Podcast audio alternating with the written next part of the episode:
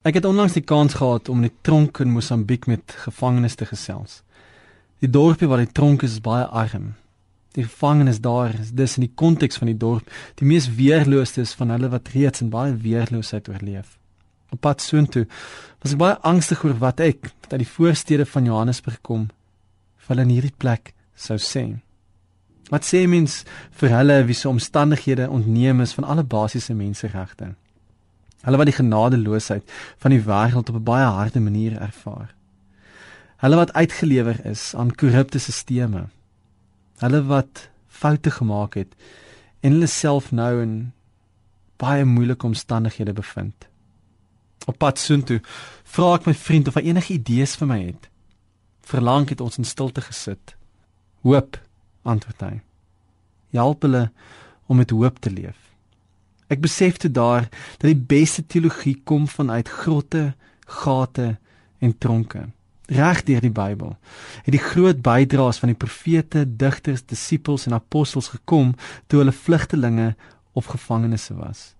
Selde het iemand 'n waardevolle bydrae gemaak van in die gemak van 'n rusbank in die veiligheid van 'n ligverkoelde studeerkamer. Die Christelike geloofstradisie is hoofsaaklik gevorm in tye van swaar kry. My boodskap aan hulle was eenvoudig. Die lewe eindig nie hier tussen die vier mure van 'n tronk nie.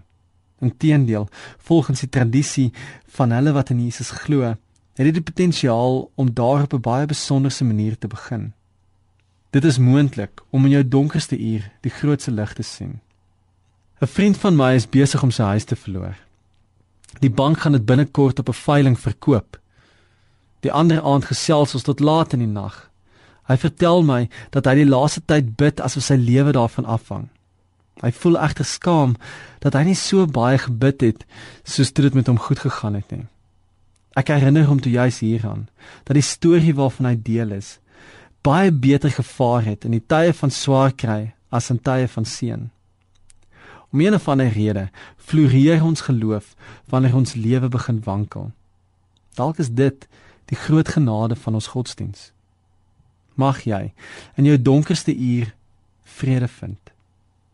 Mag jy nie huiwer om God se drempel deur te trap nie.